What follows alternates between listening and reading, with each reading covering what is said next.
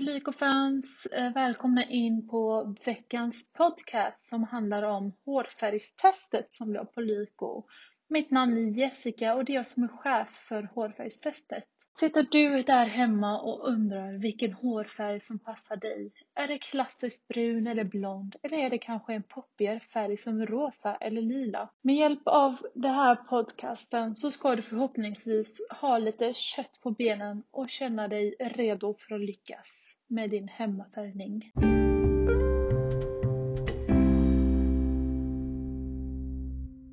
När behöver jag göra det här hårfärgstestet och vad kan det användas till? Hårfärgtestet är ett test som du kan göra för att lyckas med hemmafärgningen. Allt du behöver göra är att svara på ett antal frågor om ditt hår, som till exempel hur det ser ut idag och vilket resultat du önskar. Hur vet ni vad ni ska rekommendera mig? Ni har ju inte sett mitt hår. Du kan även skicka med bilder.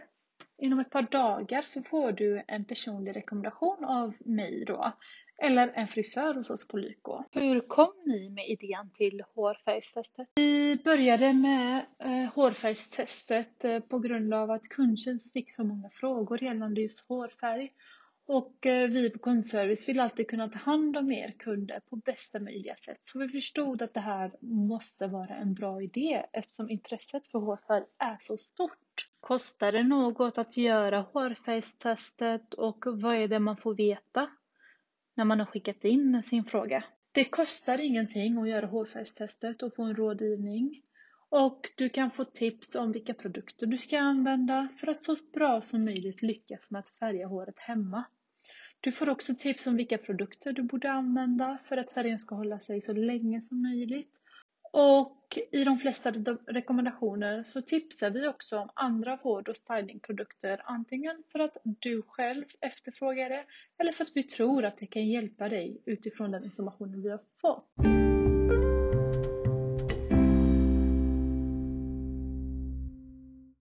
Det för slags frågor ni får in? Är det någon fråga som är mer populär än en annan? Eh, många av er har skrivit till mig senaste veckan att ni till exempel har problem med frissigt hår. Då kan vi till exempelvis rekommendera er en riktigt bra hårolja. Hur är det om ni ser att kunden har väldigt slitet hår? Rekommenderar ni ändå att de ska färga sig?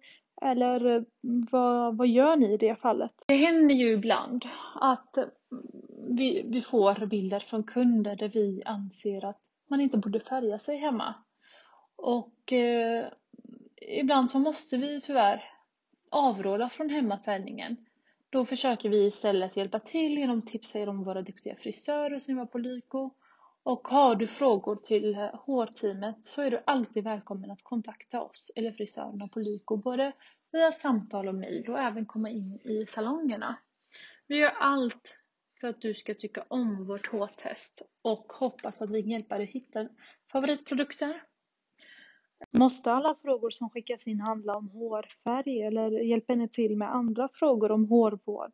Du kan alltid som, eh, som privatperson komma in på hemsidan och göra hårtestet även om du inte vill färga håret utan kanske bara letar efter den perfekta produkten för ditt hår. Vi brinner ju som sagt på Lyko för hår och hårprodukter och vill mer än gärna hjälpa dig som inte vill färga håret. Och det finns såklart planer att utveckla testet och vi uppskattar verkligen när ni skickar in era kommentarer. Eh, och ett fält som vi har ju märkt ganska snabbt är ju intresset för hårvård och styling i allmänhet.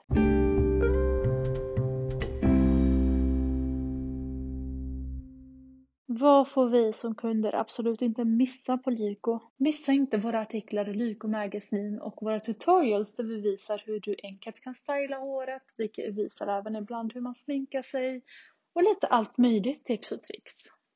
Och jag har hört att ni vill veta lite om vilka vi är. Vi är ett gäng eh, om tre personer. Det är jag, Jessica och så är det Erika och Jasmine som jobbar som frisörer på Lyko.